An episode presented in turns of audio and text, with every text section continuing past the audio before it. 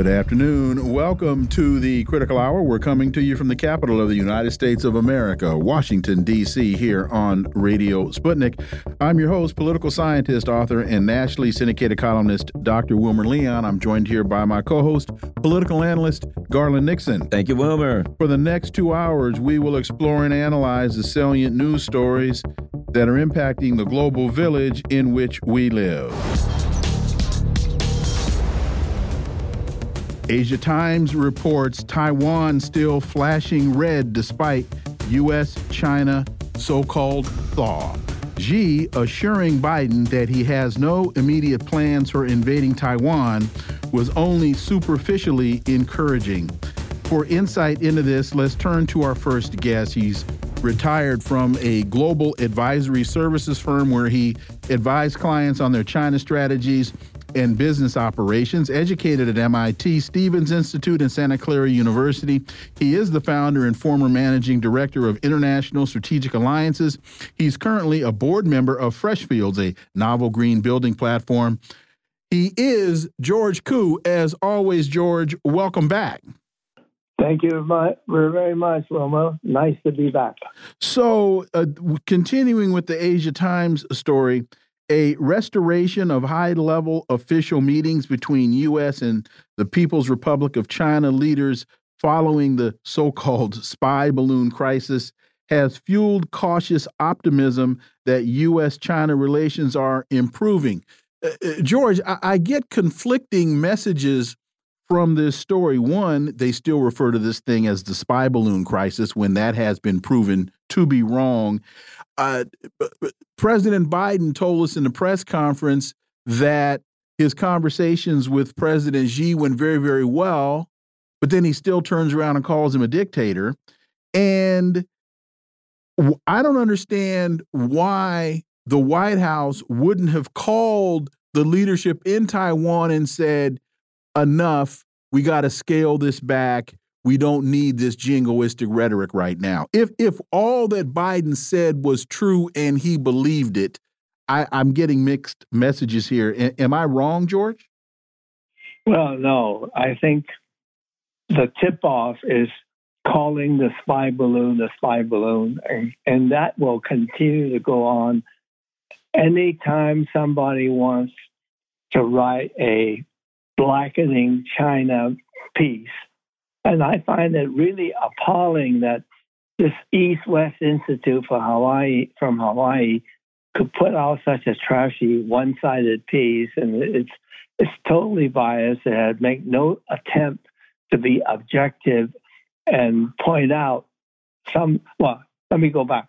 The thing that I really agree with on that piece is the fact that after the Xi Jinping and Biden's meeting, nothing has changed about Taiwan.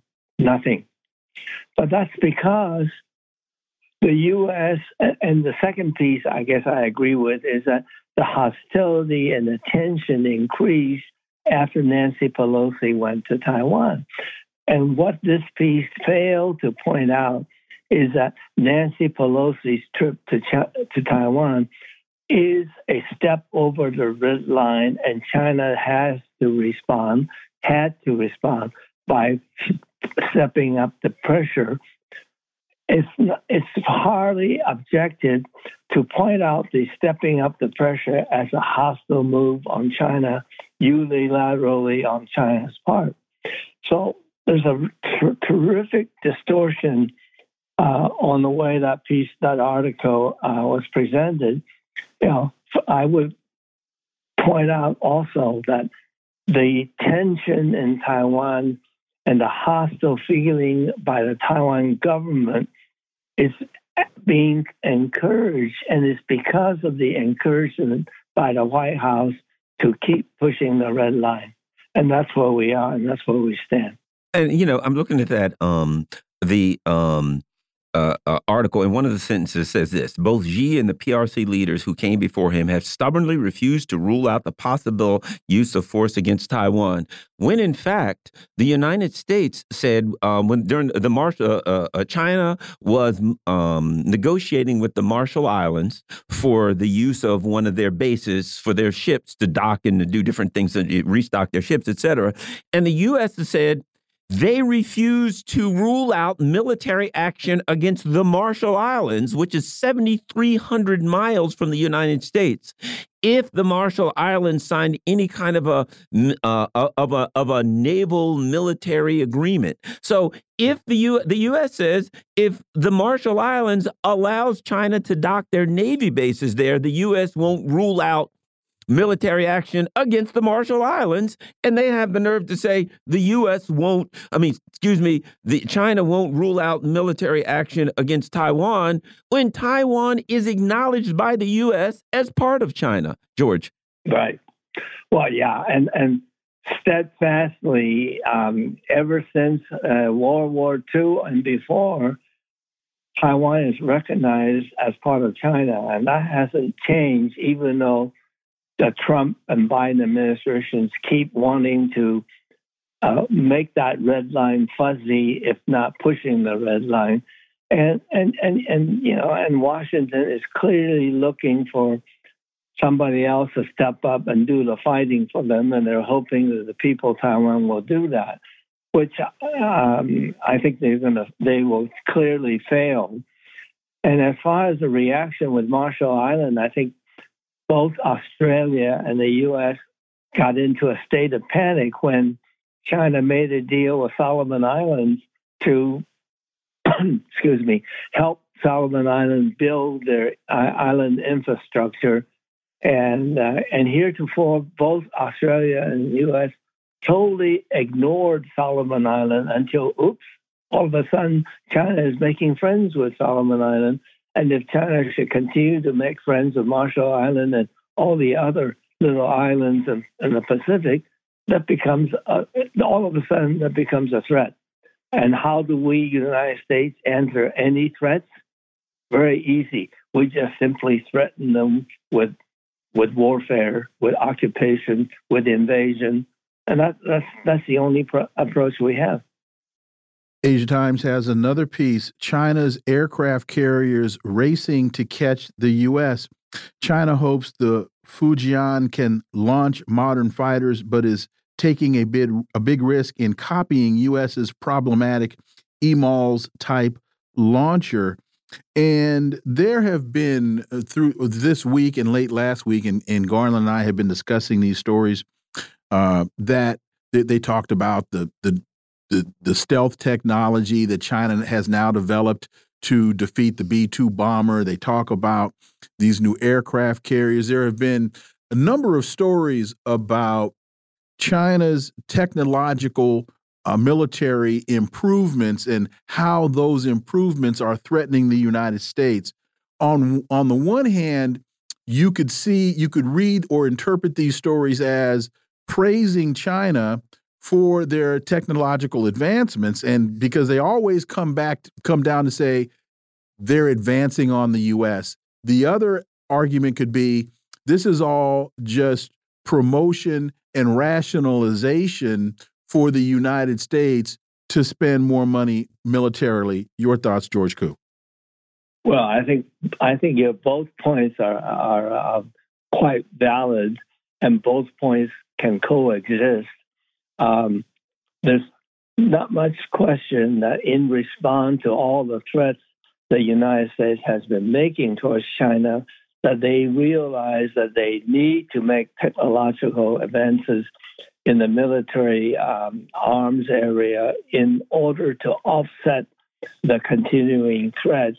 And of course, every time they make an advancement in weaponry, whether it's stealth or hypersonic missile or aircraft carrier uh, or, or, you know nuclear reactors for the carrier and so on, that this becomes justification for Washington to say, see, the Chinese are threatening us and we need to increase our military budget um, uh, through the roof, so to speak. So So one feeds on the other, and this will continue to go on, unfortunately. So I, I would like to point out, I don't know if you folks saw it, there was a sociologist uh, from Sweden that had a nice video presentation that basically says Washington is militarizing to its own self destruction, or some title uh, like that. I don't remember the exact. And and he has a very valid point. We are, as a country, is going to pop economically from a civil civil stability point of view, from an education quality of education point of view. But what one area that we're not going to pop is we're spending more and more and more money for the military industrial complex and we seem to be keep feeding this particular hung, now hungry, hungry crocodile, if you will. Uh, uh, the other thing is this: uh, uh, even in the military, I don't know if you've been following this, but lately the Pentagon has been saying we're having problems affording um, all of the ships in uh, the Middle East. That we're having problems affording that. So even that, with the U.S. is starting so many fires, starting so many wars, that now even the military can't afford the neocon foreign policy. George. Yeah, well, probably the only way out is to to ask for ask from China for a loan to keep it going. And another troubling story uh, on another front. This is from the Daily Express. China's cancer drug finally approved in the U.S., but it will cost 30 times more to buy. A new Chinese cancer drug has been approved by the F FDA, but there's one big financial catch, and that is that in China, the drug costs $280. In the United States, it'll cost $8,892, more than 31 times the price in China. Uh, your thoughts, George? George, could it, I go ahead? Yeah, I, will make some real quick points on this. First of all, it illustrates that you know it makes no sense to decouple the two countries because both both countries are making technological advances that are going to be beneficial beneficial beneficial to the people uh, of the world. Second point is that this price differential, and I don't know what is causing the price differential. Certainly, it's still going to be about what 20% less than the equivalent medication made and produced in the U.S. So that's um, probably a way of protecting the American pharmaceutical industry. Third point is that it's going to create a huge black market um, running between China and uh, and the and the U.S. Uh, probably um, you know equivalent to the fentanyl scandal, if you excuse the the analogy. No, that's exactly what I was thinking, George, when you said that. Was this is fentanyl all over again? well, great minds think alike. uh, Leslie, Asia Times: U.S. is uh, U.S. threatening to hollow out Asia's uh, uh, chips industry. Protectionist Chip Act is forcing forcing major Asian semiconductor fabricators and their suppliers to set up shop in the U.S. Your thoughts on that story, George? Well, I think this is just a, a another um, verification support that the decouple in the decoupling that the U.S. is attempting to do and excuse me, we shouldn't call it decoupling, we're calling it de-risking. It puts everybody, every player in the world at risk of losing out, not winning, not gaining, because by doing this, it's another form of import substitution for the United States.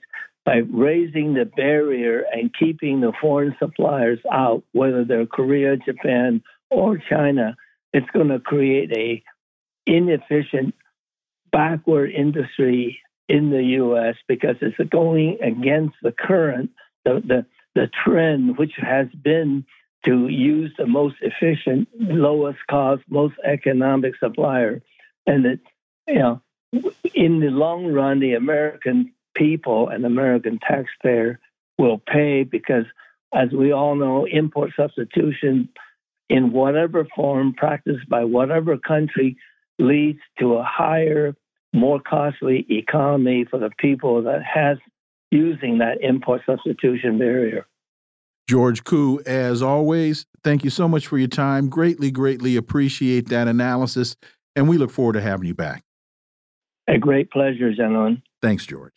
Folks, you're listening to the Critical Hour on Radio Sputnik. I'm Wilmer Leon. I'm joined here by my co host, Garland Nixon. There's more on the other side. Stay tuned.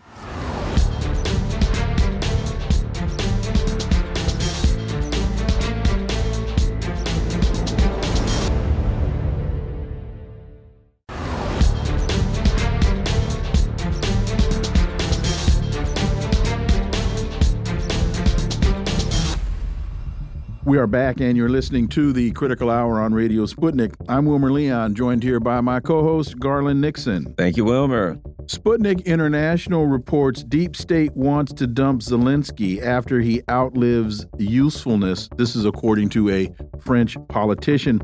The past few weeks haven't been kind to Vladimir Zelensky, with the official admission by his top commander that Ukraine's NATO sponsored counteroffensive has failed complemented by debates in Washington and Brussels about just how long the West can continue to prop up the Kiev regime with cash and military equipment. What are, what are we to make of all of these stories of palace intrigue? Well, for insight, let's turn to our next guest. He's a Moscow based international relations and security analyst, Mark Sleboda. As always, Mark, welcome back. Dr. Leon Garland, thanks for having me. It's always an honor and a pleasure to be on the critical hour. So the story continues talk in Western media about the possibility of a peace deal with Russia and increasing political and media criticism of Zelensky at home signals that he's lost his value as a puppet for Western elites and that they're preparing to dump him, according to uh, Florian Philippot. Uh, now that Zelensky is no longer useful and annoys NATO with his stubbornness as the theater of conflict has moved on to the Middle East, the deep state wants to get rid of him.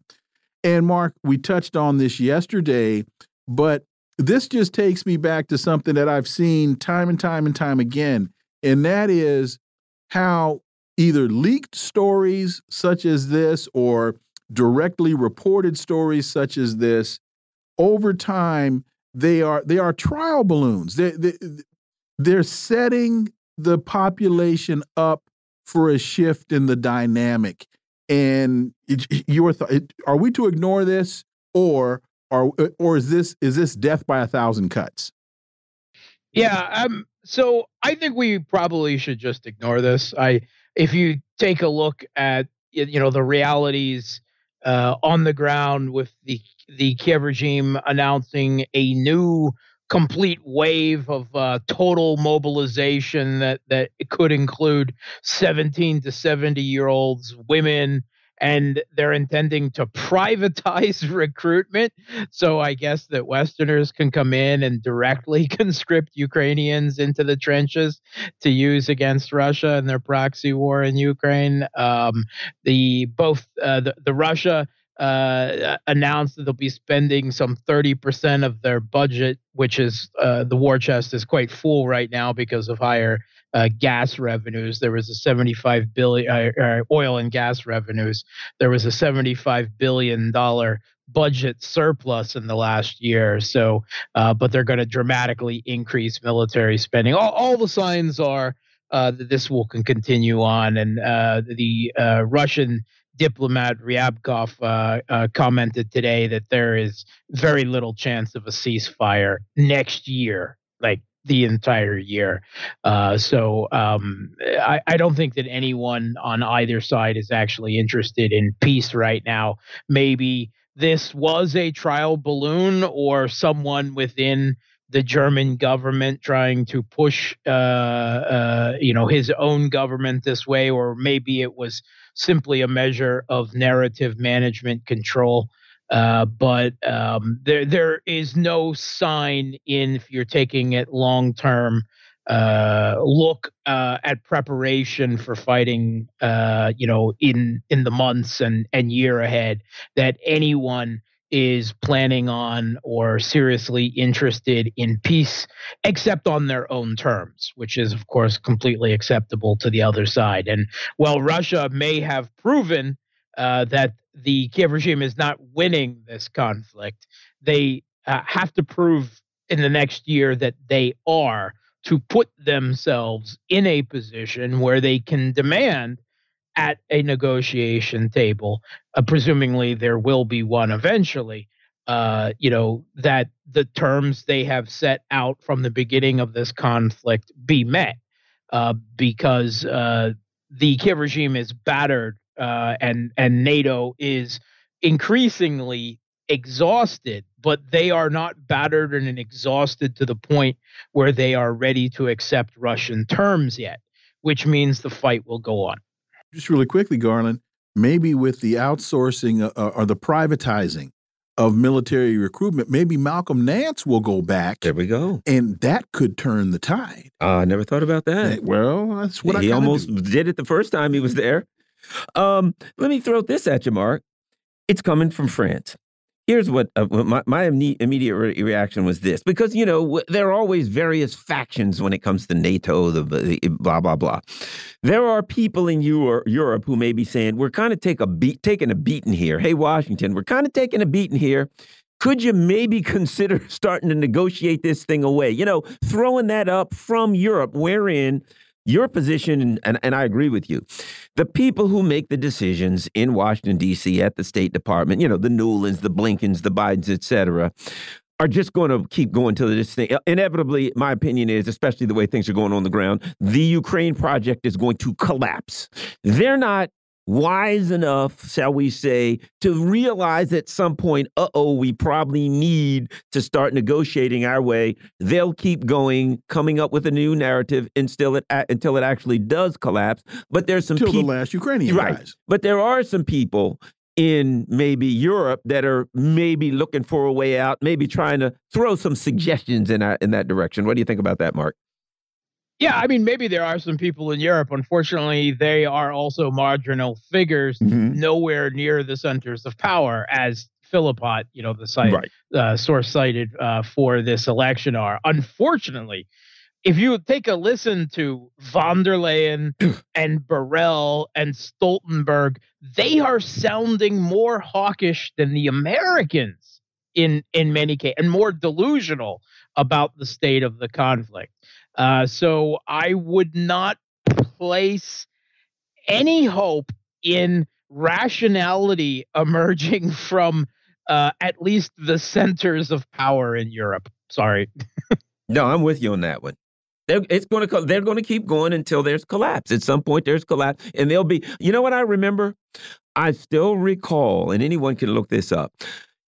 A conversation between Ashraf Ghani and Joe Biden when the Taliban was coming across the border, overrunning all their positions. And Ghani's like, hey, they're overrunning our positions. What do we do? And Biden says, look, even though it's not true, we need you to maintain uh, this story that everything's all that's what they'll do when when the everything's collapsing they're swimming across the Dnieper river going west screaming hey the Russians are going to get us please save us that Zelensky will be on the phone and Biden will say even though it's not true we need you to argue that the Russians are fighting with shovels, and they're, they're, that's what I see the neocons doing, Mark. In, instead yeah. of instead of doing what the Shah did when the Iranian Revolution took place, when he flew over Tehran in his helicopter and saw that the people were not abiding by his um, his his uh, curfew. Curfew. curfew thank you. He called and said, "Get me out of here. This thing is over."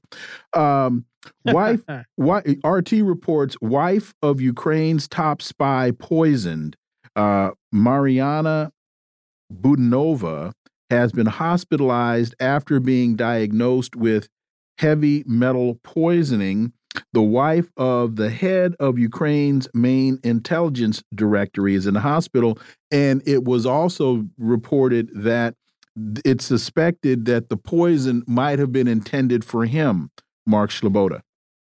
Yeah, I want to uh, be clear when I say heavy metal poisoning, they're not talking the magazine about um, uh, rock music, sci-fi, fantasy, and soft porn. So they, they Uh, didn't that- they that- didn't that- listen to sister- Deep Purple Yeah. at high volume. Yeah, yeah, they're they're they're talking probably something like mercury or arsenic or something more exotic. Yeah, this is interesting. I think this is a perfect example of live by the sword, die by the sword, or in in Budanov's case, in in this particular instance, uh, uh, live by the dagger and assassination, then die by the dagger and assassination. And Kirilo Budanov, this genocidal maniac who is the head of the Ukrainian GRU, their military intelligence network, the one that we have just heard in the Western media trumpeted that the CIA proudly uh, uh, uh, took them and rebuilt them from scratch in their own image, um, and uh, openly admitted to conducting assassinations all across Ukraine and into Russia as well. And lo and behold, uh, we have the story about his own wife, Mariana Budanova, uh, being hospitalized with um, uh, uh, poisoning. Um, now, um, first of all, um, she has actually been living with him, quote unquote, in his office since the conflict began for safety. And to be fair, his office is 100% a bunker deep underneath Kiev or maybe even outside of Kiev somewhere, right? It's not like, you know, she's sleeping in a in a in a cot on his uh uh you know 10th 10th story window or something like that. Uh a very very deep secure facility. Um and um it's quite obvious that she wasn't the specific target um, it's uh, possible that he was, or possible that the GRU uh, in particular was the target, uh, because numerous other uh, uh, GRU, you know, intelligence people were also poisoned as well. So she was obviously eating in the sef- secure facility of his that she was living in uh, for the last two years, um, and um, she simply showed the symptoms more substantially faster than the others because she's small, I guess, and, and has a low body weight. Um, this is real interesting. Now, of course, it is entirely possible that this was the Russian military, although I, I or, well, the Russian government, one form or another, because they are at war, and this guy has been assassinating people all over Ukraine and Russia and bragging loudly about it and saying openly to the Western media, "I'm going to kill Russians." Right? Just in general, Russian people, Russian ethnic, any anywhere in the world I can find them, you know, on you know all the time, right? That that's his the dedication of the rest of his life. So that wouldn't be a surprise, and certainly Russia has targeted. Uh, the Russian, uh, the Ukrainian uh, Kiev regime military intelligence headquarters before, and there was some belief at the time that he was killed. Maybe he was injured. Uh, we don't know for certain. Uh, but I'm not so sure about this poisoning angle. This sounds more like palace intrigue stuff. And we all know there is a huge uh, palace intrigue going on in Kiev right now. We've seen one of Zelensky's top deputies and friends, uh, Major Colonel, um, either die by a tragic grenade accident at his birthday or be assassinated by uh, uh, the uh, people around Zelensky, which is what most of the Ukrainian uh, social media uh, is speculating because of this open rift between Zaluzhny and Zelensky. But those aren't the only power centers in this regime, and Budanov is kind of a uh, a dark intelligence figure and a faction of his own. I mean, this guy routinely kills people all over the place. And we have previously seen uh, the open shooting on the streets of Kiev of the Kiev regime official, Denis Kireev, who was one of the peace negotiators uh, on the those uh, ill-fated peace negotiations last year. And later that has been attributed to a miscommunication among the Kiev regime's intelligence agencies who were gunning down each other's people in the street. Uh, so I think that this is probably far more likely um, a symptom of these rifts, these palace intrigues, eh, this uh, you know uh, fighting under the cover for control in the regime that is happening right now uh, in Kiev. And actually, I think symptoms like this are actually far more dangerous to the regime at this point than what is happening on the battlefield. Well, everybody knows that when the Russians poison you, they rub Novichok on your doorknob because it kills you within 30 seconds. Then you wander around for four hours, eat pizza, feed the ducks, and then just randomly collapse. I think that's or, the way. they put it yeah, in your quite, in your underwear.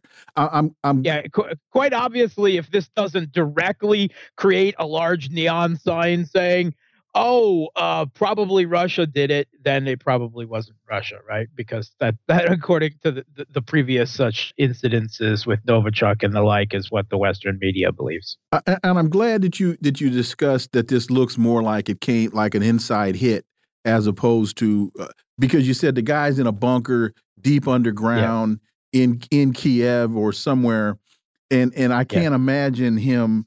Um, ordering like DoorDash for some uh, pelmeni yeah. from downtown Moscow, pelmeni, right? And, you know, and from downtown Moscow, yeah, yeah. and you know, so I, I can't imagine that.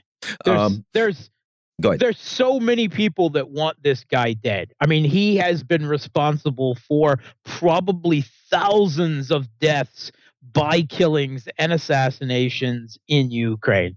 I imagine a few of the family members of the people that he has been killing on behalf of the of the regime, the collaborators, the traitors, or just the other side of the intelligence agencies that got in his way, evidently. A lot of people probably want revenge against him and his his top cadre. And I, I think it likely that his wife just was the canary in the coal mine.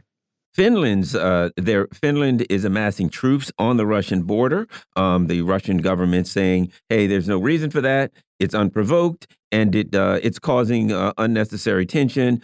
Um, and, you know, and while Finland, I don't know, they got the, roughly the uh, the uh, you know they don't have the, the the biggest military in the world, whatever the case may be, but they are kind of working with NATO, trying to get into NATO, you know, get uh, uh, uh, getting into NATO, all of that stuff. Um, your thoughts on what's happened with and i do know they're closing and opening their borders all kind of foolishness going on with finland. Um, what's the story on these troops amassed on the russian border mark yeah okay. i actually had a vacation just a few years ago in a uh, like an ecological resort on the russian finnish border. At the time it was completely demilitarized. People just go back and forth. You run for dairy products to the other side of the border because it's closer than you, you know the shop on your own side. It it was really that way and now things are completely opposite.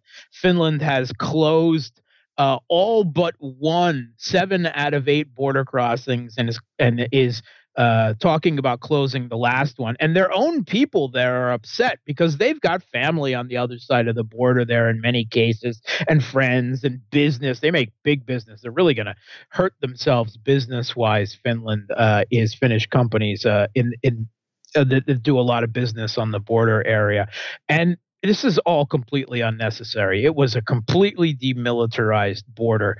Russia uh, and Finland and the Soviet Union before Russia had peace for decades. But you know, the the the last government of Finland, uh, this um, uh, a club going uh, female prime minister. She wanted to sit with the cool kids at the NATO table at lunch.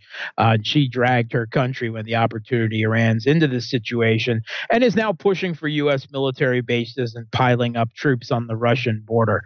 Well, of course, Russia is going to respond uh, as as part of the security precautions, and they're going to pile up troops on their border. And now Finland is talking about building a new iron curtain, a wall separating themselves off from Russia, you know, because Russian cooties or something like that. And this is just going to spiral down into what was a a neighborly situation into something incredibly well you know you, you know that neighbor that you hate that you always get into fights with? That's the situation now. Mark sleboda as always thank you so much for your time. Greatly greatly appreciate that analysis and we look forward to having you back. Thanks for having me. Folks you are listening to the critical hour on radio sputnik. I'm wilmer leon. I'm joined here by my co-host garland nixon. There's more on the other side. Stay tuned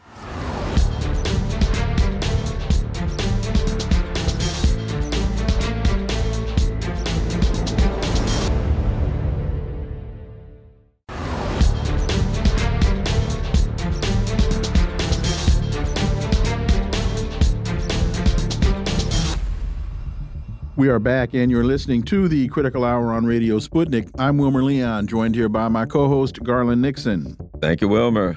Politico has a story entitled Black Voters Are Drifting Away from Democrats.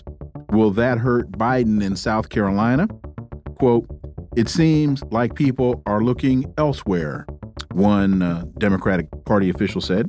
For insight into this, Let's turn to our next guest. He's the former Maryland Republican Party vice chairman and chief executive officer of X Factor Media Inc., Eugene Craig III. As always, Eugene, welcome back. Appreciate it. Appreciate it. How are you guys? Doing well, thank you. Doing well. So the political story, they, they give a whole lot of background on talking to people in South Carolina. And they say three years after Trump pulled out about 8% of the black vote nationally, Polling this month by the Times and Siena College of six battleground states found his support had bumped up to 22% of the black electorate if the election were held today. Other polls looked even worse for the Democrats. A national poll by CNN registered Trump support among black voters at 23%, while an earlier Fox News poll found it at 26%.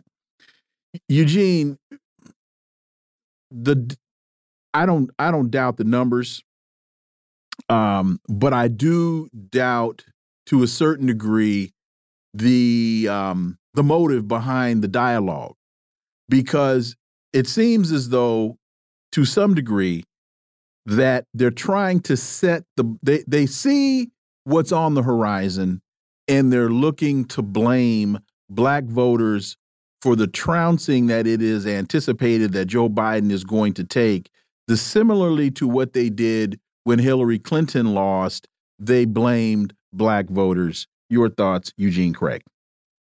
Well, my thing is this: I think both those polls, first and foremost, both those polls are outliers. Secondly, um, you know, I, I take all national polling with a grain of salt because we don't have national elections; we have state by state election also a more so county by county election. Mm-hmm. Um, thirdly, um, I agree with you on the you know let's uh, you know start propping the message now that it's going to be black folks' fault.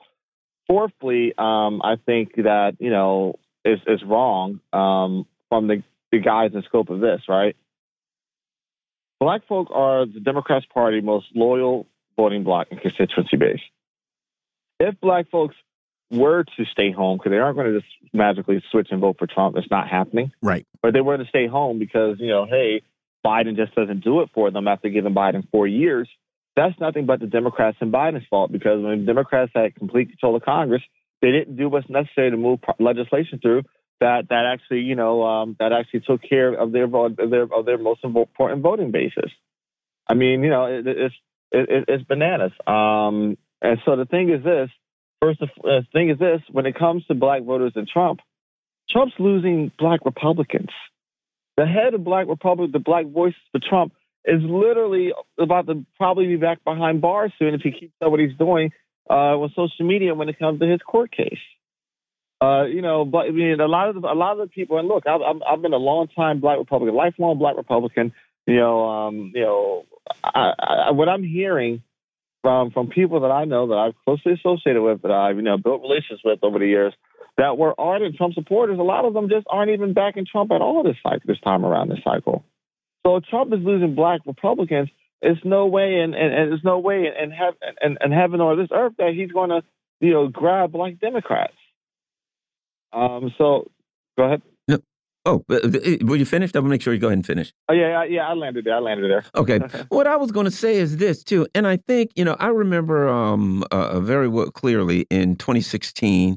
Um, after 2016, I think it was MSNBC did this piece, and they went to um, Milwaukee and they, you know, black barbershops in the black community, and basically what when it came down to it, a lot of black people didn't vote for Hillary, and it was policy. They they you know how people are. Here's the reality of politics. They looked around and they said, you know, I voted for Obama. Doesn't seem like I got anything out of it. My life's no better. The job situation aren't be isn't better, et cetera, right? Four years into Biden, it's, you know what? That we're hearing the same thing. Hey, the job situation's worse, inflation, it costs more to buy this or that or whatever. And when it comes down to it, this is just um it's not just black politics. This is American politics. Every four years, people look at their situation, if it's their party's incumbent, and they say, hey, my party said they were going to do this. Things aren't better. Things cost more, etc. It to me, it's not just black politics. This is a particular constituency in the Democratic Party, but they're doing what people do every four years. Hey, things ain't better for me. I'm not happy, and this is kind of pronounced in the black community because they can uh, uh, uh, consistently voted such a block. Your thoughts of that? My thing is this, right? And I hate I hate when like you know when when, when outlets like MSNBC or CNN will go do something like that because what it does is it presents a, a, a anecdotal experience that's, that's, supposed to be representative of a broader experience, right? And that's not necessarily true. Um, even when like folk running around, oh my God, black men supported Donald Trump at 13% in 2020 or 2016. And I'm sitting here about like, but that means it means that 87% voted Democrat. Or if, if 2% black women voted Republican, that means 98% voted Democrat which tells me that if I'm if I'm getting ninety percent or hundred percent of something, some people ain't my issue. Democrats' issue are white voters, white work, white poor voters particularly. That's their issue. Um, and, the thing is this: they aren't taking care of the minority voters that make up their voting their voting base when it comes to black and brown voters to make up the losses for those white voters. And a lot of that comes down to cultural issues. You know, um, you know, because it just that, that just comes down to you know things that drive you know uh, socialization and, and, and culture around around certain groups of people. But that's where the Democrats' real issue is. I mean, you can see it in almost any state. When Governor Hogan, when, when Governor Hogan got elected in 2014, you know, it wasn't because like he ran and now granted he did overperform and black voters got about 30%, similar to like model that Christie had in 09. But ironically, a lot of those like you know um, you know uh, lower you know middle mid, middle lower lower class whites and like the Dundalk area and and and, and area and whatnot flip from blue to red that that that gubernatorial cycle and this is pre-Trump. Yeah, that's how Anthony Brown lost that governor's race. Well, uh, and I, I, had a lot to do with it. Go ahead, Wilmer. Well, Anthony Brown lost that race because Anthony Brown was a horrible candidate. Yeah, and and he took pages from Kathleen oh, Kennedy I, I Townsend's playbook. Uh, uh, and I was involved with some people. Well, I, I, go ahead. I'll add you this. I was at Bowie State at the time, right? And we had a gubernatorial forum. Anthony Brown, in which Bowie State, when he was a delegate, was in his district, is in his current congressional district, right? Um, and then on top of that, you know, so at the forum, he didn't even show up, but Larry and Boyd showed up together. Well, there so, you go. And, and so, and so Anthony Brown also took the black vote vote from vote for granted. But I could tell you in all of our after action and like forensic post election mm-hmm. on, on, on the Republican side, everything was around, hey, where we flip voters. And where the biggest vote flip came was in eastern Baltimore County, particularly the Essex and Dundalk area. Got it. Yeah, that, and add this was Brown. And, and, and I. What, oh, go ahead. No, sorry, go ahead, finish. I said that in similar areas is, is what, and, and those that, that, that white working voter, mm-hmm. working class voter, is what, what, what flipped, you know, similarity in Jersey in 09 with Christie and Hogan at 14 in Maryland. Two blue states that went red um, because of white working class voters, in which Democrats, you know, uh, you know, failed to grab them. Let me let me give another example here. Activists. This is from uh, Politico. Activists wanted a Middle East ceasefire. They got something else from Democrats. They asked Bernie Sanders to send an open letter backing a ceasefire. He wouldn't do it. They asked Elizabeth Warren uh, to pen a letter backing a ceasefire. She wouldn't do it. John Fetterman delivered a similar. They delivered a similar plea to him. He didn't. But so basically, what we have is Democrats refusing to listen to their constituents and going in another direction for reasons that that their constituents cannot seem to understand and people are getting tired of being sold a pig and a poke. They're tired of the Joe Bidens of the world saying the right things on the campaign trail and then failing to deliver, but then four years later saying, oh, it wasn't my fault. You don't understand what I was up against. Send me back for another round. Listen, complete control of Congress from 2021 to 2023. Right now, you know, Joe Biden, you know, one more time, very well could call for it. He, he pretty much has done it, but just not flat out done it. I mean, I, I love his plan. At this point, I call him Plant 40 and slips. Um, you know, when he's talking to the press and then does a walk back and then drops some drop a bomb for people to talk about after after whatever press conferences happen, right? I mean, he's pretty much said, listen, Israel has to accept the two state solution. Um, in order to get to that two state solution, you got to eventually have a ceasefire, right? A complete ceasefire. Um, and, and but but the thing is this, you know, people have a right have a right to demand of their representatives that come and beg them for their vote um, to to to to make to move on their issues.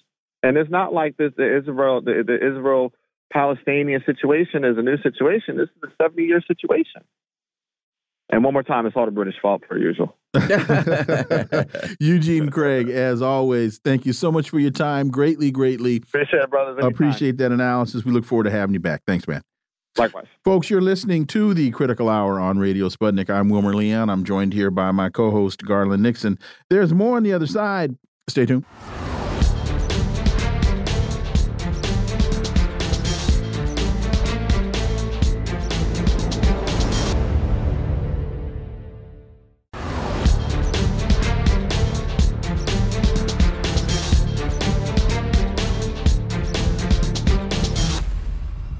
We are back, and you're listening to the Critical Hour on Radio Sputnik. I'm Wilmer Leon, joined here by my co host, Garland Nixon. Thank you, Wilmer. ScheerPost has a piece entitled Reflections on the Deep State's Media Watchdog Tool. In early November, the leadership and board of Consortium News, the independent news site, filed a major lawsuit against the federal government and NewsGuard Technologies, Inc.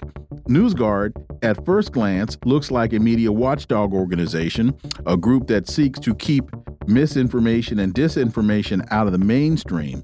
That notion is quickly dispelled, however, as soon as one takes a look under the hood.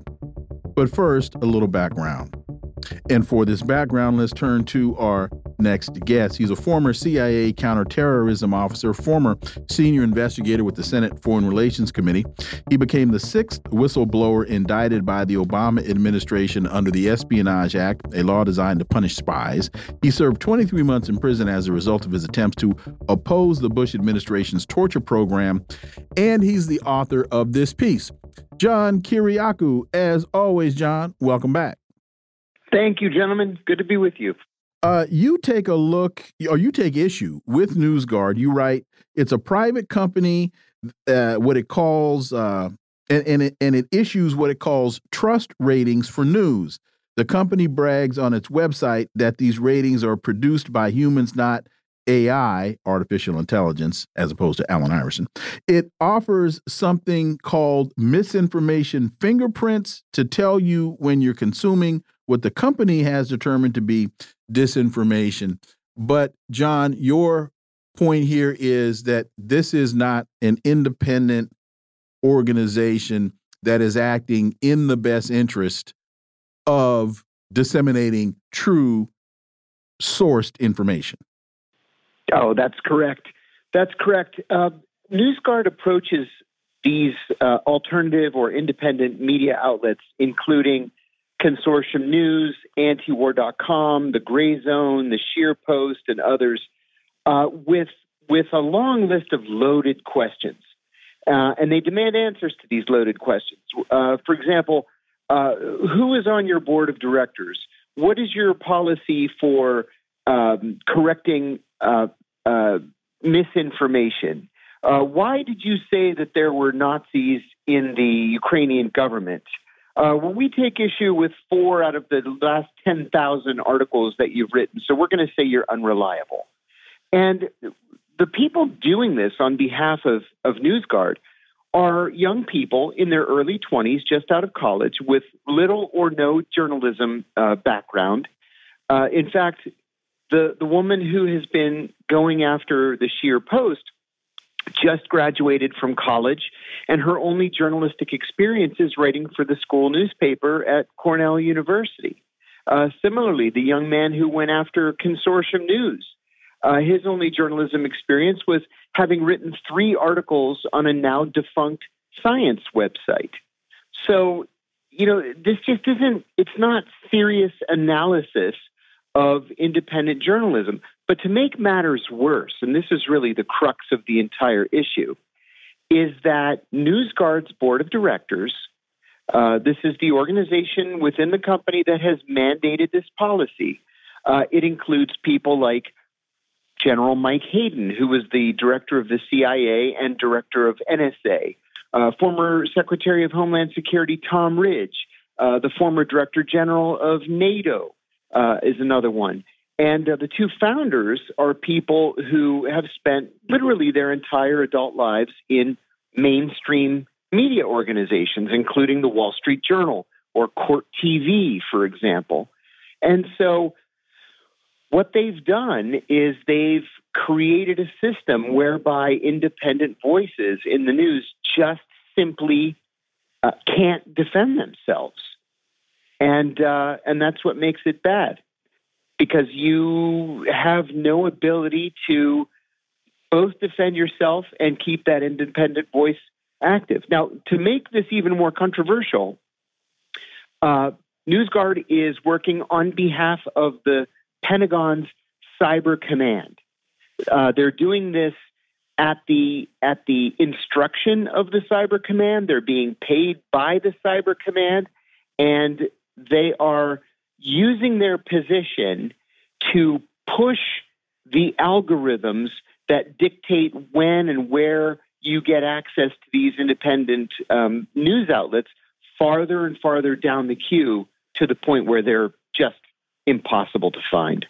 Well, I, I also see it looks like the Pentagon gave um, NewsGuard seven hundred and fifty thousand dollars. So they have a uh, certainly have a, a uh, fiduciary um, uh, incentive, shall we say, to go along with U.S. foreign policy. John, that is exactly right. That is exactly right. And if you look at the questions that these so-called journalism analysts have asked the likes of the Gray Zone and Scheer Post and Consortium News, they are all about Ukraine and about Syria.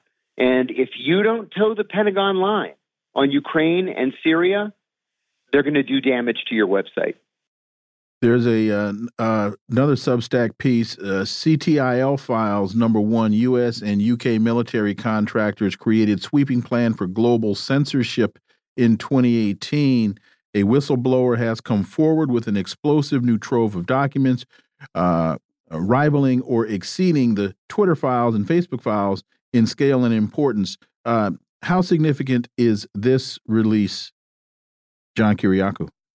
I think this is a major story because what it does is it confirms everything that we know about what NewsGuard has been doing, but it predates NewsGuard by at least three years.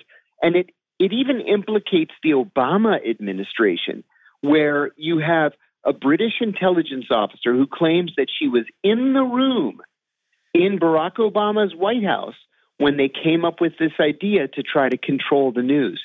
That's what NewsGuard is doing. This is not NewsGuard we're talking about. This is a, a parallel organization made up of both British and American intelligence officers doing exactly the same thing. They said that they didn't want a repeat uh, of the 2016 election and they wanted to be able to control the narrative. Wow. And and you know the interesting thing about it is that uh, continually we see basically these cutouts of the of government cutouts. They just find a way and they claim no, we're not related to whatever this group is. And then when you start following the breadcrumbs, they all lead back to DHS or FBI. John, you're absolutely right. You remember this. Uh, this uh, misinformation, disinformation czar that the Biden administration tried to mm -hmm. appoint at the very uh, start of its term. Uh, and it self destructed in a matter of two weeks because it was tied to the Department of Homeland Security. And by God, it's not up to the Department of Homeland Security or the Department of Defense or the CIA or NSA or anybody else to decide what news Americans should consume. even though they believe it is. John Kiriakou, as always, thank you so much for your time. Greatly, greatly appreciate that analysis, and we look forward to having you back. Thank you so much. Folks, you are listening to the Critical Hour on Radio Sputnik. I'm Wilmer Leon. I'm joined here by my co host, Garland Nixon. There's another hour on the other side. Stay tuned.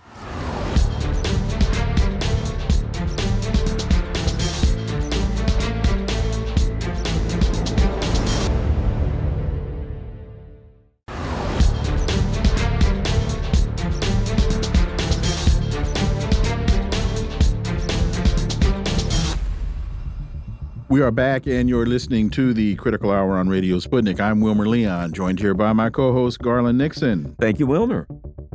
LewRockwell.com has a piece entitled Maidan 10 Years On The Western backed coup unleashed Nazism, war, and destruction that ultimately exposes Western fascism. 10 years on from the Maidan uprising in Kiev, the country of the Ukraine has decided I'm sorry, descended into utter chaos, corruption, fascism, destruction, and suffering. And yet, the Kiev regime and its Western state supporters have the audacity to call the tragic, bloody morass, quote, a decade of dignity, end quote. For insight into this, let's turn to our next guest. He's a retired senior security policy analyst, Michael Maloof. As always, welcome back. Thanks so much. Thanks for having me. Thank you. So uh, the piece continues. European Commission President Ursula von der Leyen declared this week 10 years of dignity, 10 years of pride, 10 years of striving for freedom. The cold November nights of Euromaidan changed Europe forever. Well, that's true. The whole country took to the streets and spoke with one voice. That's not true. The future for which Maidan fought has finally begun. Glory to Ukraine. Long live Europe. It's nauseating to hear such barefaced lies and distortions. Michael Maloof. The uh, you got to consider where where her parents come from. They were uh, former Nazis, and uh, the, and, you know this is uh, an ancient feud. You had the uh, Ukrainians backing the Nazis during World War II against the Russians, and even up to today, we're we're seeing that uh, the right wing elements, the neo-Nazi elements within Ukraine, are very strong. In fact, they were they were so strong as a separate militia that uh, Zelensky ultimately incorporated them into the uh, Ukrainian armed forces. they have their own agenda, however, apart from what Ukraine wants. And if Ukraine and if uh, Zelensky doesn't fly right, uh, they'll take him out. And uh, their their their uh, notion is to do what basically to turn it all back into a neo Nazi element. There are about a half dozen of these neo Nazi elements within just within uh, Ukraine itself, but also they extend through, they network throughout Europe and into the United States. You had the Azov group. Uh, Azovs have a network in which they've recruited Americans to fight uh, on the front lines in Ukraine. So their their their network is not localized. It's uh, we can say it's international. And this makes uh, this portends something very serious beyond just what is is happening immediately on the ground. And I would add that you had the neoconservatives who are who tend to be neo-Nazi themselves, uh, undertaking this and using them for their own purposes to uh, overthrow a what was a legitimate government in 2014. Yeah, even though um, even though it was leaning more eastward than toward the EU, this is why you have van der Linden today, who's uh, who heads uh, the the EU, basically uh, commending uh, the, and praising Ukraine for its uh, so-called accomplishments, but it's actually being run into the ground, and Europe is suffering as a consequence. And uh, I don't know where she she she personally will be taken care of, but uh, the countries all around her, the European countries all around her, are going to be suffering for at least another decade or two uh, if, if they were to stop just now.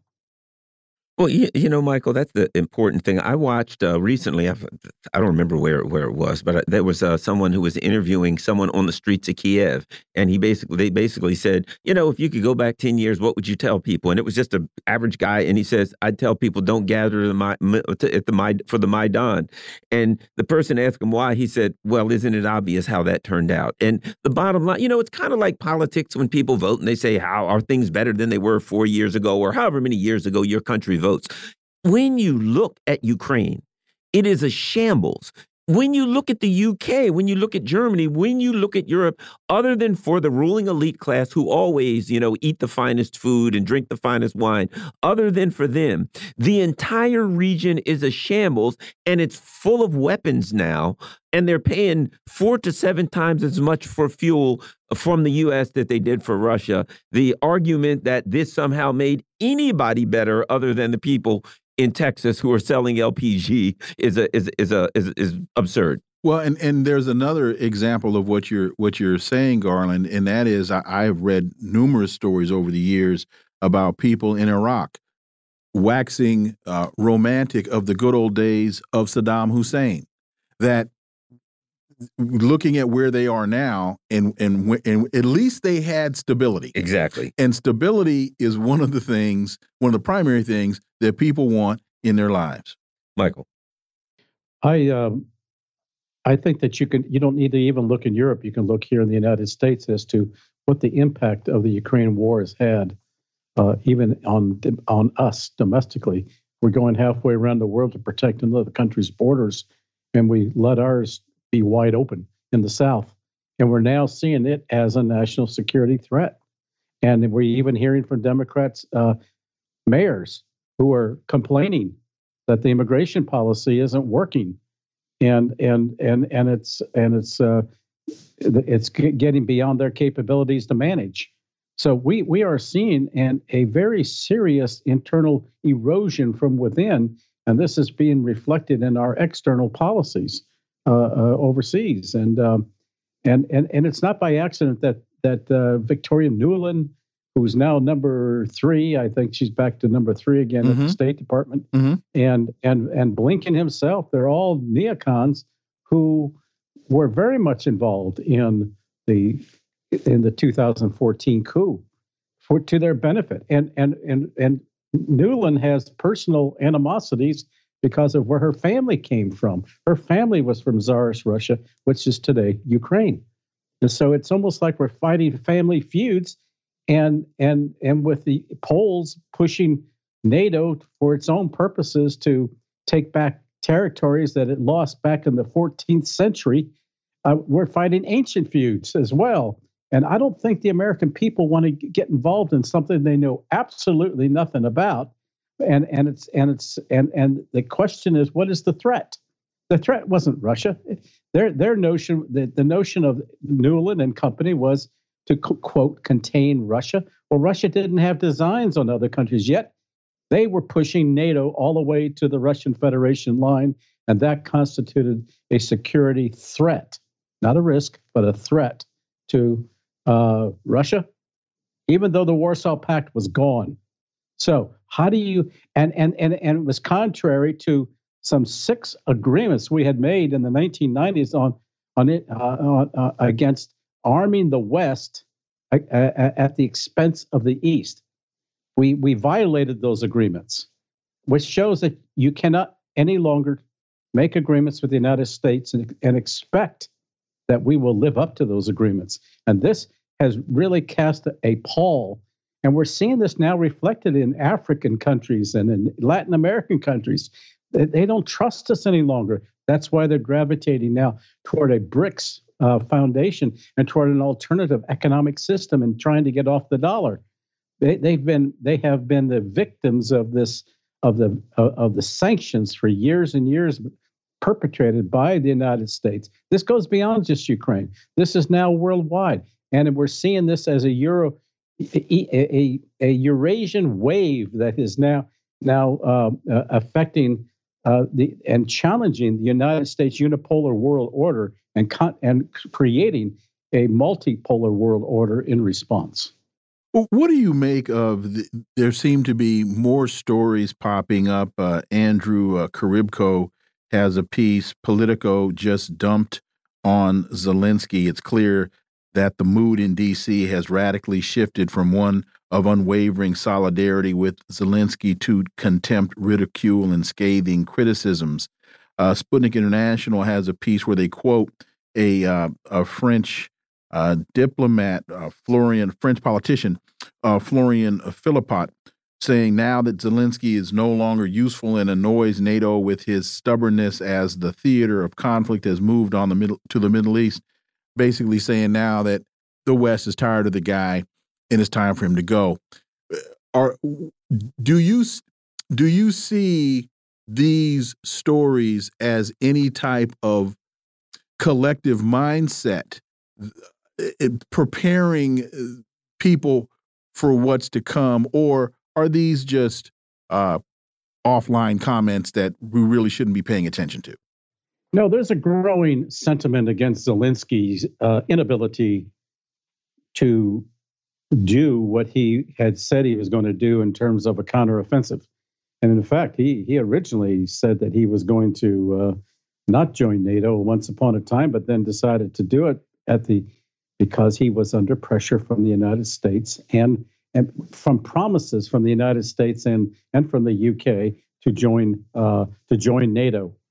And and and so he and even though he had agreements, he had agreements under Minsk one and Minsk two. He just didn't want to implement them. And and he was veered away from those agreements, and we're seeing the consequences today. He has not eh, and he, and Europeans embraced him because he he felt that he could undertake a counteroffensive, which we knew from the very beginning was not going to work. He would, and and the Europeans were told that by a few of us, and uh, no one listened. And we're now seeing the consequences. The, the the United States, the American people, they see it. They they they've had enough of it, and now we have another war that we have to deal with. And the Pentagon doesn't even have money to to pay for it right now. Uh, in, in terms of uh, dealing with the uh, Israeli assistance. So this there's just too many wars going on and too many problems back home, and and the American people are beginning to see it. And so Zelensky is off buying yachts. He just bought two yachts, according to reports. And people are wondering where'd you get the where'd you get the money? And and so that we see corruption. They see corruption. And here we're trying to we're trying to deal with inflation back here at home. And and yep, this guy goes off and buys yachts. I mean the the the the the comparison of the two is is dramatic, and people see it and they're sick of it. You know, an another thing that happened too, and, and I'm sure you recall this, when the Ukraine conflict started, certainly there were people like us who were pointing out inconsistencies. Hey, wait a minute, what about this? What about that? And one of the other big things was there was another huge jump in censorship. When this started, anyone who was on Twitter saying, hey, I don't know about this, they would throw people off of Twitter, Facebook, you name it. So, this, uh, you know, starting this conflict firing this thing up and all of the inconsistencies that people were po pointing uh, that were pointing out created another environment where they had to shut voices down. They had to do all of this censorship, and that's another uh, uh, uh, uh um, a time where people started losing all confidence in the institutions of media, social media, et cetera, because they had to censor people who were exposing their lies. Uh, Michael.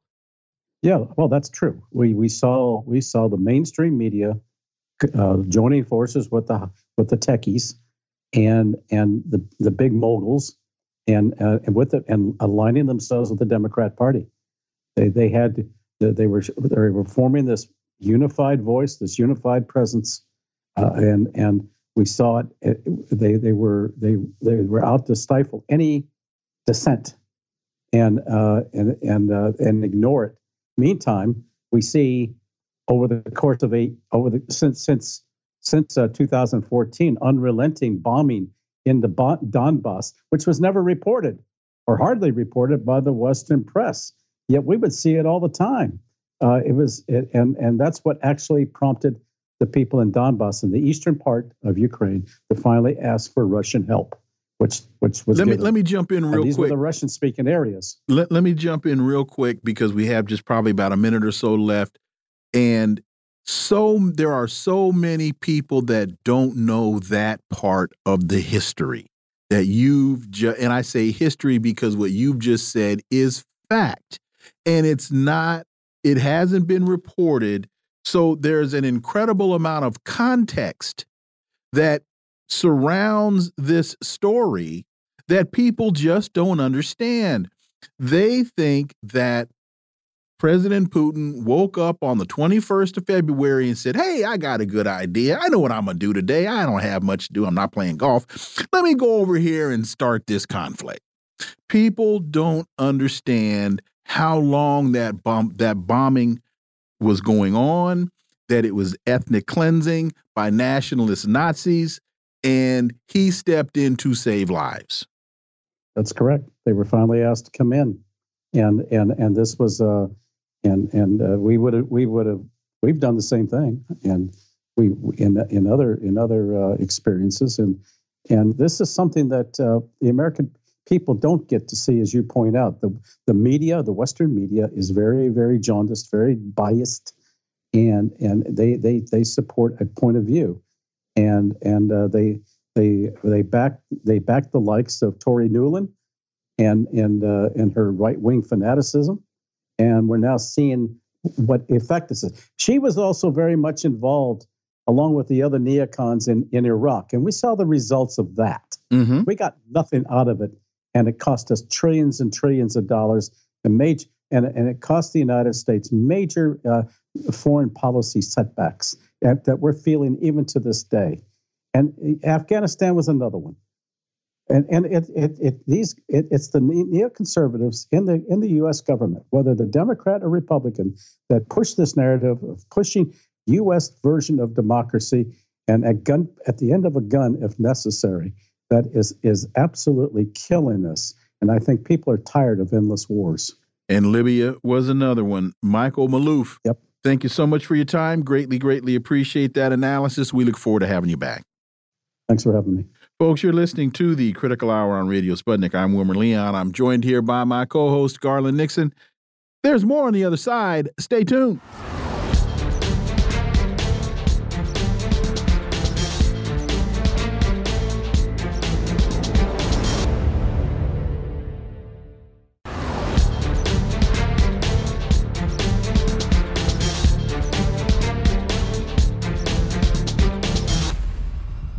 We are back, and you're listening to the Critical Hour on Radio Sputnik. I'm Wilmer Leon, joined here by my co host, Garland Nixon. Thank you, Wilmer. Popular Resistance has a piece entitled Israeli Tank Gunner Reveals Orders to Fire Indiscriminately into Kibbutz. And this is by Wyatt Reed and Max Blumenthal from the Gray Zone. New disclosures add to the growing body of evidence indicating many Israelis who died on October 7 were killed by Israeli military. Meanwhile, the Israeli government has muzzled captives freed from Gaza to prevent further damage to the official narrative.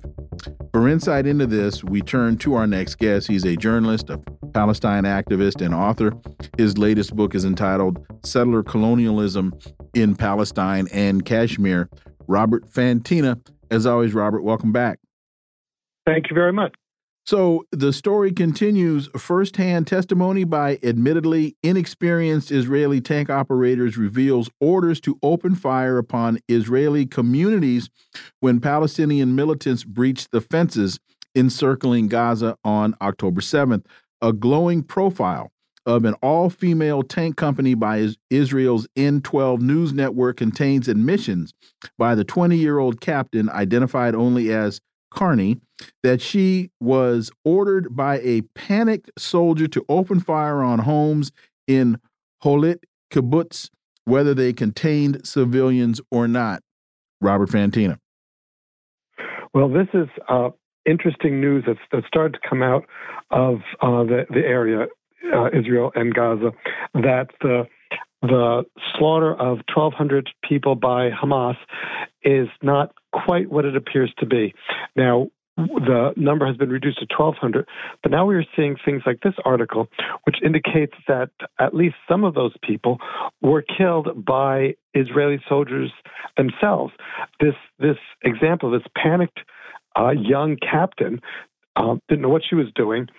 She just uh, ordered to open fire on on these homes and killed several people there, several Israelis. So we're seeing a lot more now about the the panic of the Israelis and the the fact that they are responsible for at least some of the deaths that occurred on October 7th. You know, Robert, I'm going to uh, throw this uh, into add this into the story. Uh, something about the truce. The um, and and I think it's related. Um, there were a lot of reports that the Biden administration, we reported on that, had said there, some people in the Biden administration had said they weren't crazy about having a truce because they were afraid people would get in and see and, and see how much devastation there was in in um, in um, Gaza. But additionally, it gives um, uh, various uh, a journalist a chance to talk to people like this. You know, as things calm down and slow down here during this truce, it gives people a chance to get in journalists to interview people, to talk to people. And for things like this, that whether it was the October 7th or decisions that were made, things that have happened, I really don't think they wanted these types of things to get out into the ether journal journalistically. Uh, your thoughts? No, they, they definitely don't because, as it says here, the in this article uh, that you quoted, there's the official narrative. The official narrative is that uh, Hamas and all Palestinians are evil. Uh, Israel, Israel and all Israelis are are innocent victims. But when we see things like this, we see that they were shooting their own people in panic uh, in this situation. We're seeing a different story. We're seeing that the the narrative that Israel wants to portray, the United States wants to portray, is not true. And they will do all they can to prevent that from coming out. But with social media, with independent news, they can't keep it a secret. The, the truth is slowly coming out, and it is not what what we were all told by the, the mainstream media on October 7th and, and the days that followed. So articles like this one in the gray zone are very important because they are telling the truth, which is w- without an agenda which is what the mainstream media and certainly the U.S. and Israeli governments uh, don't want. They definitely have their agenda, and they want it's they want to stick to that agenda, and they're very displeased when something like this comes out. And there's a, another interesting piece from Politico. Activists wanted a Middle East ceasefire. They got something else from Democrats, and they it talks about the fact that uh, people were uh, petitioning Bernie Sanders imploring him in an open letter to back a ceasefire. He wouldn't do it. Elizabeth Warren wouldn't do it. John Fetterman wouldn't do it. Uh, that there's been a flurry of pro Palestinian protests that have been staged. I mean, we've seen what's transpired across the country, and still the Democrats are on the wrong side of history. And, and, and they remain there. Uh, Sanders and Warren are two examples of what's referred to as PEP, Progressive Except for Palestine. So they are in Israel's corner. They talk about things like, oh, Israel should be. It's, it's a, they don't. To, they say it's a shame that so many civilians are being killed, but they blame that on Hamas. Israel is the one dropping the bombs, but they're blaming the deaths of Palestinians on Palestinians. So it makes no sense. And the fact that across the country and around the world. But but for these senators, Warren, Sanders, and others, uh, Fetterman, to to refuse to request or demand a ceasefire when the people are taking to the streets demanding it, when polls indicate that that's what the people of the United States want, and when Israel is committing what is obviously genocide, and they refuse to, to request a ceasefire. This is this is shocking, and it's going to cost them on election day. You know, uh, I tend to think, Robert, that the um, the, the the U.S. government is so far away from the its actual constituents. The Democratic Party. I mean, uh, uh, uh, Joe Biden made a a ton of um, of promises and have kept absolutely none of them. That it seems like they kind of feel like it doesn't matter anymore. We can do whatever we want, and who cares what the, people want? And then a month or so for the uh, uh, before the election, we'll say, "Oh, look, there's Trump," and uh, "Oh, the Republicans are evil," and they'll all come back. I, it just seems that they don't even care anymore, and they don't even think that the constituents matter. And hey, those suckers will come back and vote for us in November anyway. So what do we care? It, that seems to be the attitude, Robert. That, that definitely seems to be the attitude. Uh, we've seen it where in several swing states, polls are showing that the Democrats, states that Biden won in uh, 2020, that he needs in 2024, uh, several important groups, uh, young people, progressives, and Muslims and Arabs, are walking away. Now, some people, the, the Democratic Party thinks, well, when it comes down to election day, they're going to be faced with either Trump or Biden. They're going to vote for Biden. Well, this isn't the case. Hard as the Democrats and Republicans have worked to uh, to um, marginalize third parties. There are third parties out. They don't, they don't have any chance of winning, but they are there, and that's who people are going to make a protest vote for. They're not going to vote for Trump, obviously, but they're going to say Biden has lied to us. Biden has done nothing for us. Why give him a vote? And and w- what we're seeing is the likelihood of another Trump term because the Democrats, as you said, will not listen to their constituents. Al Jazeera has a piece, What's Israel's Hannibal Directive? A former Israeli soldier tells all. The controversial policy to avoid the capture of Israeli soldiers isn't formally in place, but they say that it is basically an understood position that allows soldiers to fire indiscriminately in order to protect or prevent soldiers from being captured. And I, bring this up uh, in in because it it seems to be consistent with the story that Max was reporting about uh, what happened to civilians. Are, are do you know anything about this Hannibal directive and and and and the validity whether or not it, it is a valid policy? I, I don't, but I do know this: that in Israel, the IDF soldiers, at least among the large Zionist population of Israel, IDF soldiers are considered gods. That uh, when they are killed in action, there is extreme rage, a, a desire for hundred to one revenge, such as was, was done in um, more more than that actually in Gaza. So the fact that doing anything, killing civilians, whatever it takes to prevent them from being killed or captured, is an official Israeli directive, would not surprise me your thoughts on um, the state of the of the truce. Um, do you think it continues? Do you think it's because of the political pressure, because um, the, the losses that are happening? What are your thoughts on the on on the, the current sta uh, state of the um, the the the temporary truce or pause or whatever you want to call it? The only reason that Netanyahu and Israel would agree to this was if they had something to gain. And one of the things they have to gain is at least a, a, a pause in the the extreme hostility that Israel has garnered since it began its genocidal onslaught of the Gaza Strip. I don't think Israel ever expected the world population to rally around uh, Palestine the way it has done, and it was caught off guard by that. Also, the United States, which of course could end all of Israel's crimes immediately, has been pressuring Netanyahu to do something different. Says this cannot continue. So uh, that's why we've had a ceasefire thus far. Whether or not it's going to continue remains to be seen. There's a limited number of uh, of hostages Hamas has, and that's their main bargaining chip. But another important bargaining chip is the international reputation of uh, Israel and the United States, which is supporting Israel, and those are taking a major hit and those two countries will want to minimize that damage politically if they can. And uh, so called humanitarian pause or a ceasefire will help to minimize that. It won't undo it, certainly. The damage is done, but it will prevent too much further damage.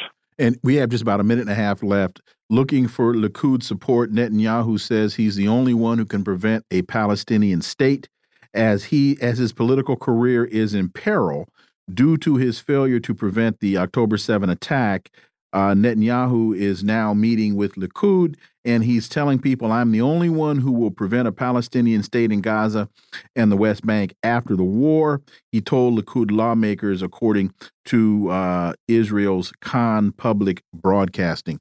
Uh, quickly, your thoughts. The, the United States official position is that there needs to be a Palestinian state.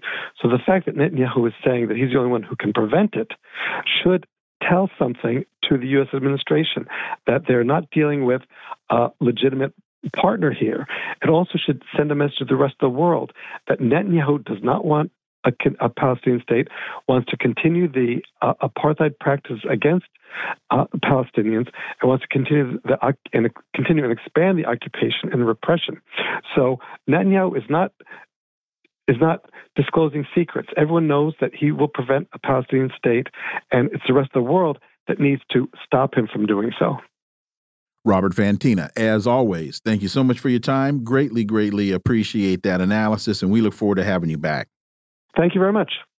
Folks, you're listening to the Critical Hour on Radio Sputnik. I'm Wilmer Leon. I'm joined here by my co host, Garland Nixon.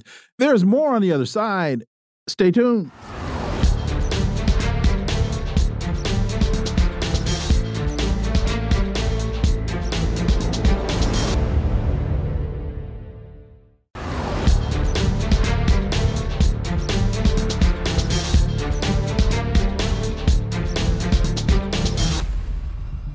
We are back, and you're listening to the Critical Hour on Radio Sputnik. I'm Wilmer Leon, joined here by my co host, Garland Nixon. Thank you, Wilmer. RT reports Taiwan independence means war, according to Beijing. China has reacted sharply to rhetoric from politicians in Taipei ahead of a presidential election on the island. For insight into this, let's turn to our next guest. She's the co editor of Popular Resistance, Dr. Margaret Flowers. As always, Margaret, welcome back. Thank you. It's always great to be with you. Before we get to this Taiwan story, I know you were listening to the previous conversation with Robert Fantina, and hopefully, I'm not putting you on the spot. I just wanted to get your take on this discussion that we were talking about in terms of the latest developments uh, in in uh, in Gaza. Sure. Well, I think that, you know, I, I, would agree that the world has shown that it's standing with Palestine, Palestine largely. Uh, we're seeing record numbers of people turning out around the world continuously to protest. Uh, we're seeing direct action, blockading weapons makers and ports, uh, you know, confronting politicians directly. I, I, don't think this is what the United States was actually expecting uh, to happen. And I agree that, you know, the U.S. is largely driving this conflict uh, with Palestine. And so it is uh, remarkable that there is a truce. Now we know that that the Israeli occupying forces have not been honoring that. They just murdered two teenagers in uh, Jenin in the occupied West Bank. Uh, but it is giving uh, some reprieve and some release of the, you know, thousands, a few of the thousands of Palestinians that have been detained for years uh, with no charges. Uh, so, you know, I think that this is an opportunity for us to continue to pressure the United States government to support uh, this pause and, and, and what we should have, which is a ceasefire, and what we should have, which is recognition of, of Palestine and, uh, and one democratic state for all residents. Speaking of uh, instability created by the neocons, RT reports Taiwan independence means war. Beijing, China has reacted sharply to rhetoric from politicians in Taipei ahead of a presidential election on the island. And again, we see the U.S. We, they go to Ukraine, they go to Russia's border, and you know they end up getting Ukraine blown to smithereens. Here they are in the Middle East. The, the everything's on fire there, literally. And now Taiwan, the U.S. Uh, as usual, uh, in on the State Department website recognizes the one China policy, says Taiwan's part of China. Rhetorically, they say that, but they're supporting these um, people who are uh, pushing for independence. And as Beijing says, you know that's part of China. If you try to break it away from us, that means war. Your thoughts, um, um, uh, Margaret? Right. Well, I think, you know, China, as most of the world can see, you know, why is the United States supporting this small group of uh, separatists in Taiwan. It's because, you know, since the Obama administration, uh, the United States national security strategy has been great power conflict, uh, meaning with Russia, with China. Uh, that was what was behind the coup in Ukraine and you know refusing to honor the agreements, the Minsk agreement, and continuing to uh, be belligerent towards uh, Russia in Ukraine. And then on the other side of that is has been the U.S. military buildup around China, literally surrounding China.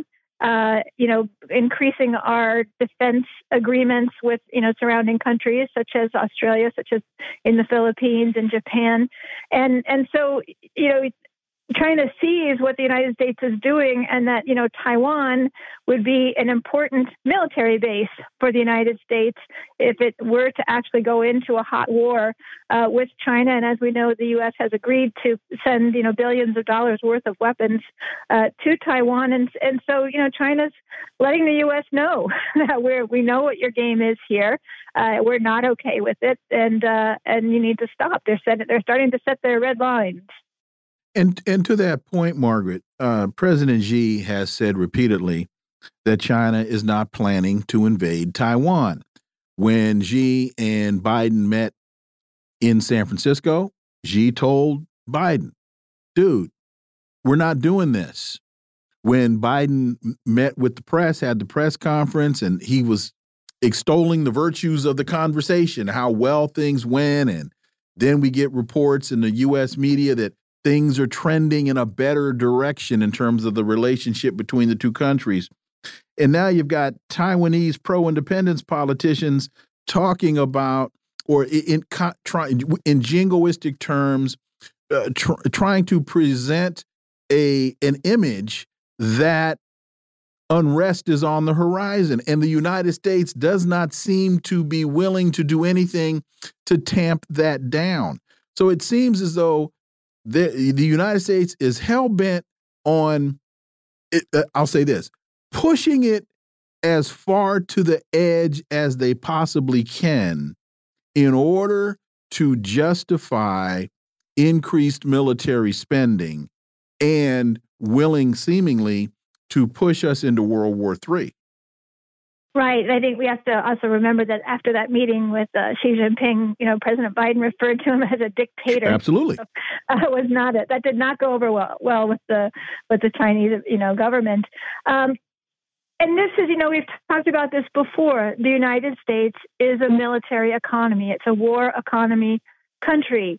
And so, in order to keep that war economy going, and it's dispersed throughout every congressional district, has industries related to the military economy, uh, the U.S. needs to continue to manufacture conflict. That you know is also part of the quote unquote benefit to the United States of, uh, the conflict in Ukraine. And, and this last, you know, uh, military appropriation was sold as a jobs program, you know, in the United States. Oh, look at all this money we're investing into the military industrial complex to, to keep jobs here in the United States. So you're right. I mean, the U.S. is has one uh, goal, one vision here, uh, one set of tactics. It doesn't seem to be able to use uh, diplomacy appropriately to, you know, cooperate with other nations around the world. We see that over and over again. Whether it's right now the COP28 that's beginning and Biden refusing uh, to go there, what kind of signal does that?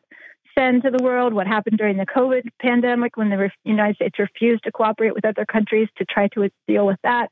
Uh, the U.S. doesn't really seem to know any limits on its uh, militarization and belligerence in the world, and, and that's why it's so important. You know, I come back to it again and again here in the U.S. that we, as the people, need to be rising up and shifting that power uh, to stop that. USAID to increase funding for quote investigative journalism in South Africa.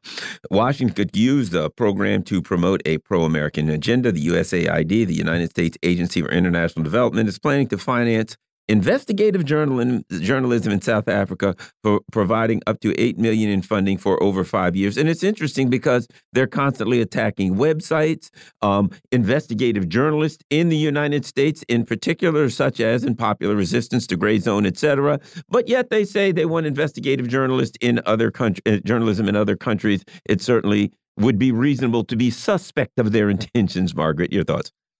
Well, I mean, absolutely, and that's what you know history bears out in this situation. Uh, USAID is an arm of the of the CIA. It does you know the, the soft power work of the of the CIA and and has uh, funded you know projects all around the world in service of the U.S. interest. The U.S. is not doing this because it has any belief in press freedom or belief that there needs to be more investigative uh, journalism. It, I'm sure it hopes to uh, develop a, a megaphone in that region that it can use to exploit any opportunities that arise to create chaos and uprising in nations so that the U.S. can use that to its advantage uh, to control those those countries. You know, the U.S. is having some difficulty on the African continent. There was such a successful period of expanding AFRICOM, and now we see many nations uh, in Africa rising up against the colonization there, rising up against the U.S. you know interference in their countries, and so this is another kind of uh, tool that the U.S. uses this information war to uh, propagandize people and push its agenda in that region.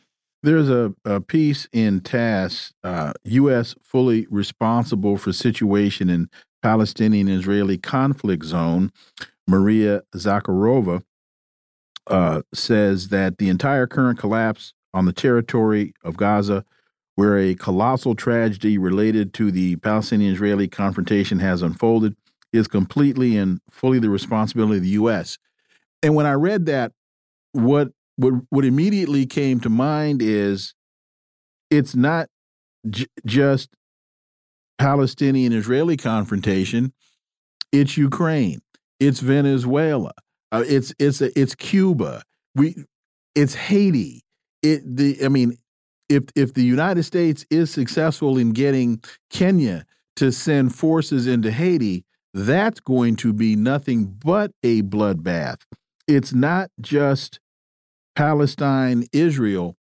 There are conflicts brewing all over the globe, and the U.S. has its hands in many of them. Margaret. Yeah, I can't think of too many that the United States doesn't have in, quite, quite frankly. And I think particularly when it comes to the state of Israel, an illegal occupying state, uh, you know, that does not have legitimacy, it would not exist without the financial support and political cover afforded by the United States. Uh, and I think in this situation, the U.S. has overreached. Uh, it's experiencing incredible blowback uh, globally and, and, also in Western Asia uh, with the axis of resistance there and, and, countries, you know, that are, are, coming to the aid of the of the Palestinians uh, and you know going after the Israeli occupying forces. Um, you know, this the, the Biden administration could stop this genocide right now. Uh, it could order Israel. It could stop supporting Israel. It could withhold its aid to Israel unless they stop their aggression. But of course, you know, the U.S. is behind this. It wants this uh, to be happening, and that's why we have to continue to pressure. But just as you said, I mean, it's it's all over the place um, that the United States uses a variety of mechanisms, economic warfare, military warfare, you know, political pressure on countries to control them for our interests. And that's changing. I think the U.S. is, is isolating itself and starting to lose in this in this global quest for hegemony. And uh, the next few years should be very interesting as we see the power shifting. The U.S. isn't behind it; it's in front of it. The U.S. has an armada uh, of ships there, right? The Israelis are flying American planes. They're dropping American bombs. The United States ain't behind it. They are in no, front have, of it. Our troops are there. Our troops are there. we have troops on the ground. Yeah. Directing yes. it. After, exactly. After the decimation of October 7th, it's American forces that are that are directing this thing. Uh, Dr. Margaret Flowers, as always, thank you so much for your time. Greatly, greatly appreciate that analysis, and we look forward to having you back. Thank you. Folks, you are listening to the Critical Hour on Radio Sputnik. I'm Wilmer Leon. I'm joined here by my co host, Garland Nixon. There's more on the other side. Stay tuned.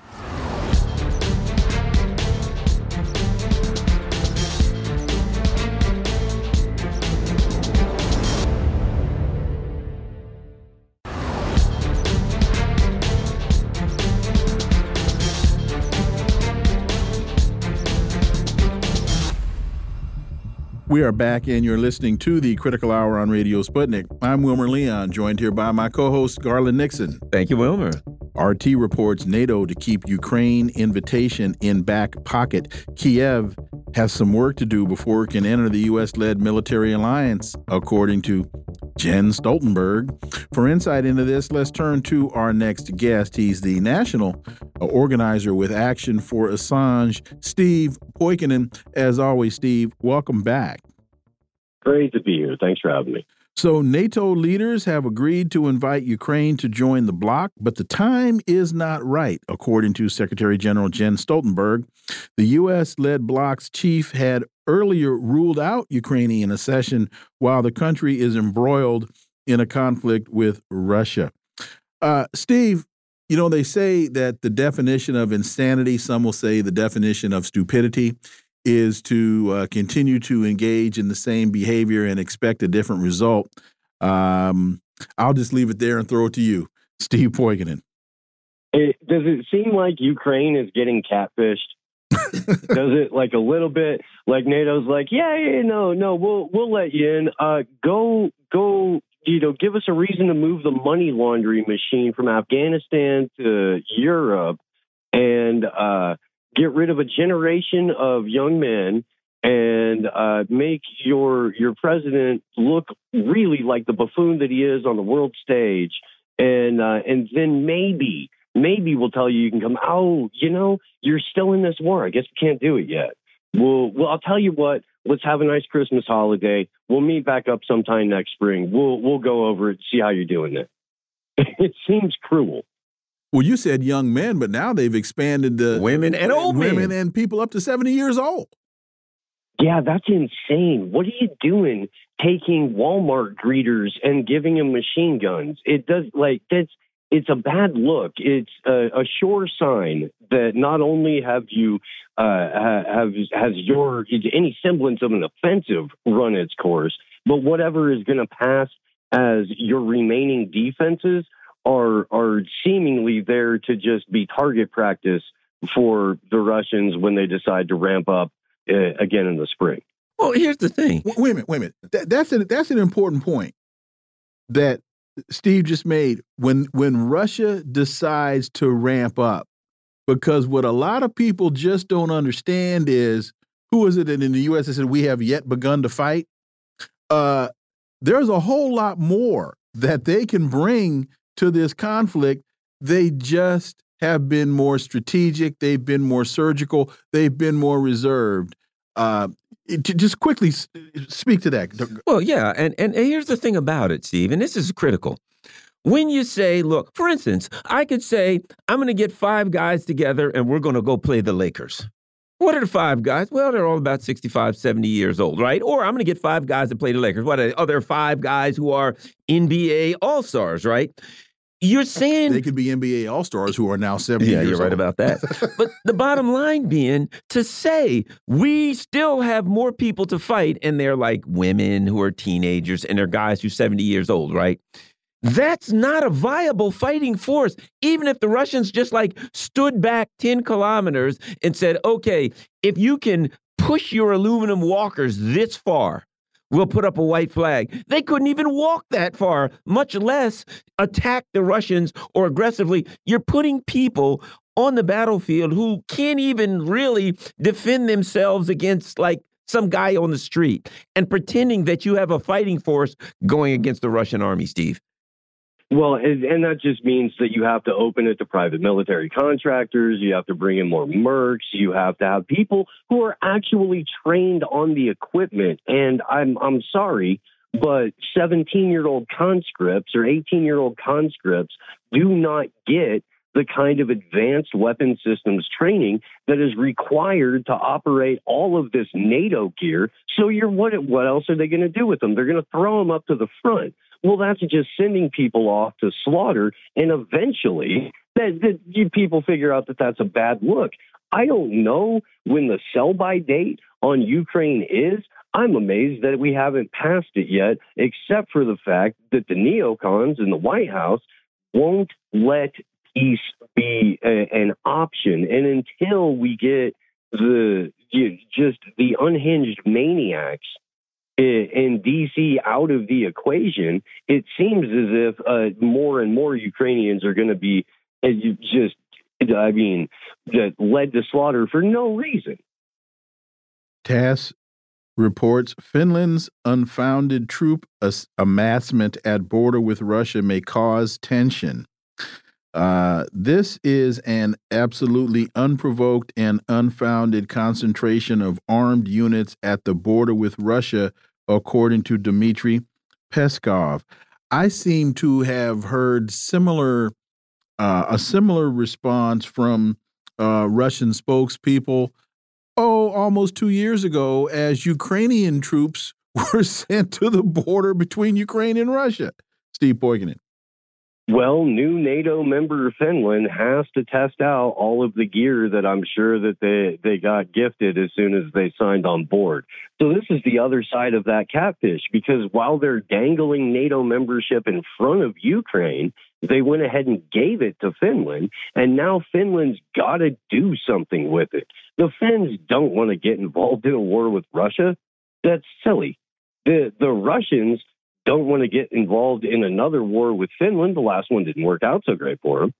But it, it's it, it's conflict between these two countries is not in the interest of either of those countries, but because Finland is now put in this position where they have to be a NATO member state, they now have to act like a NATO member state. And that means amassing troops on the border, getting ready to potentially get into a conflict with Russia. It's incredibly unfortunate.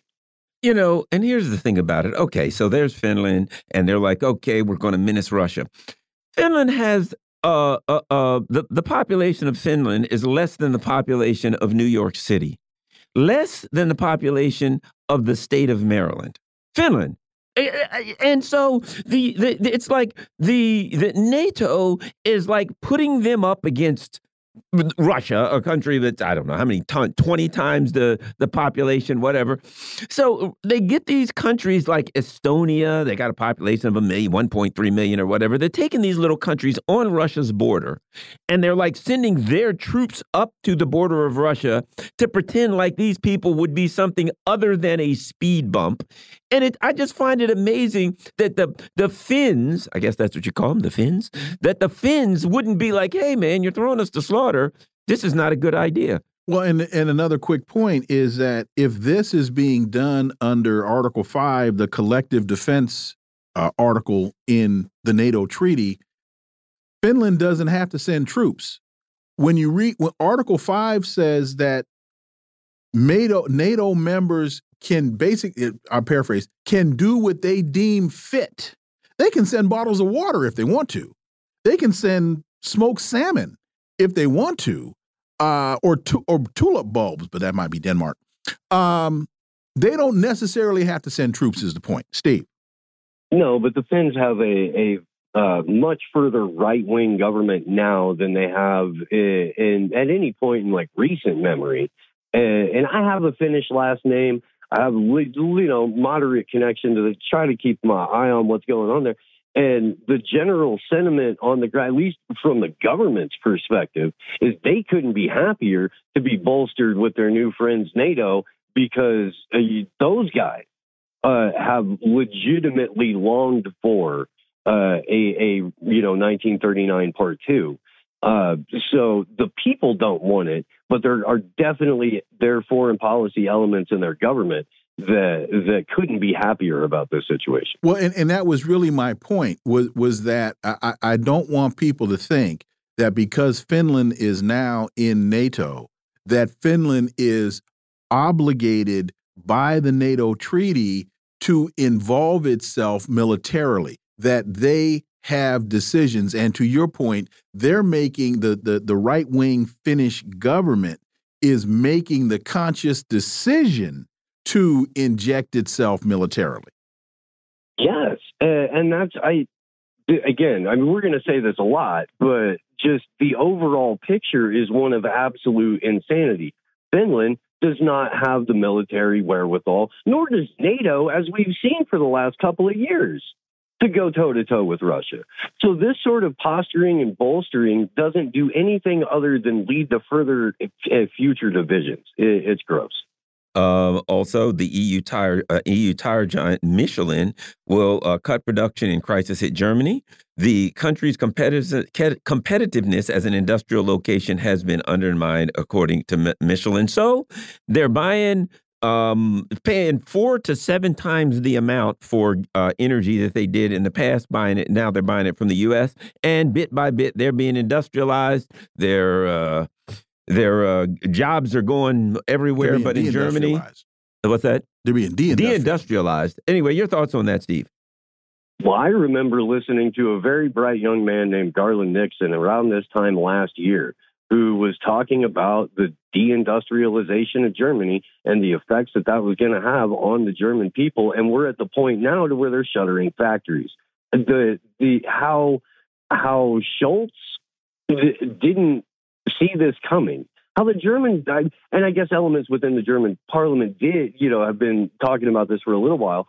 But I the the lack of preparedness on the part of everyone involved in Germany's government in their civil service, their corporate sector, when they know that they're getting raked over the coals over energy prices, production is going to have to go down, is criminal. And it's we're getting ready for another very cold winter in Germany. So it, it's going to be hectic.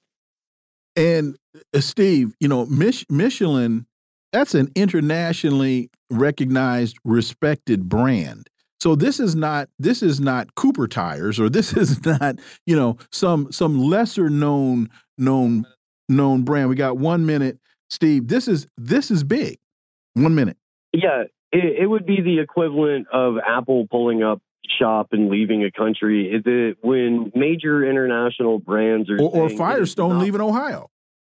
Right. Yeah. It's saying it's not worth our while to do business here because the the economic situation makes it untenable, then what that does is create uncertainty for the rest of these companies, and it could lead to a big pull up and leave uh, for the industrial sector across Germany for people that have international business concerns. Not darn, good. darn those six Ukrainians in a sailboat! They messed up everything for Germany. the good ship lollipop. Steve Poikonen, as always, thank you so much for your time. Greatly, greatly appreciate that analysis, and we look forward to having you back. Thank you very much, gentlemen. Garland, it'll be really interesting to see how quickly other companies start to do what Michelin is doing and how quickly this thing just spirals out of control. Folks, you've been listening to the Critical Hour here on Radio Sputnik. Thank you for allowing our voices into your space. On behalf of myself and my co host, Garland Nixon, we hope you were informed and enlightened, and we look forward to talking with you all right here tomorrow on Radio Sputnik. Be safe. Peace and blessings. We're out.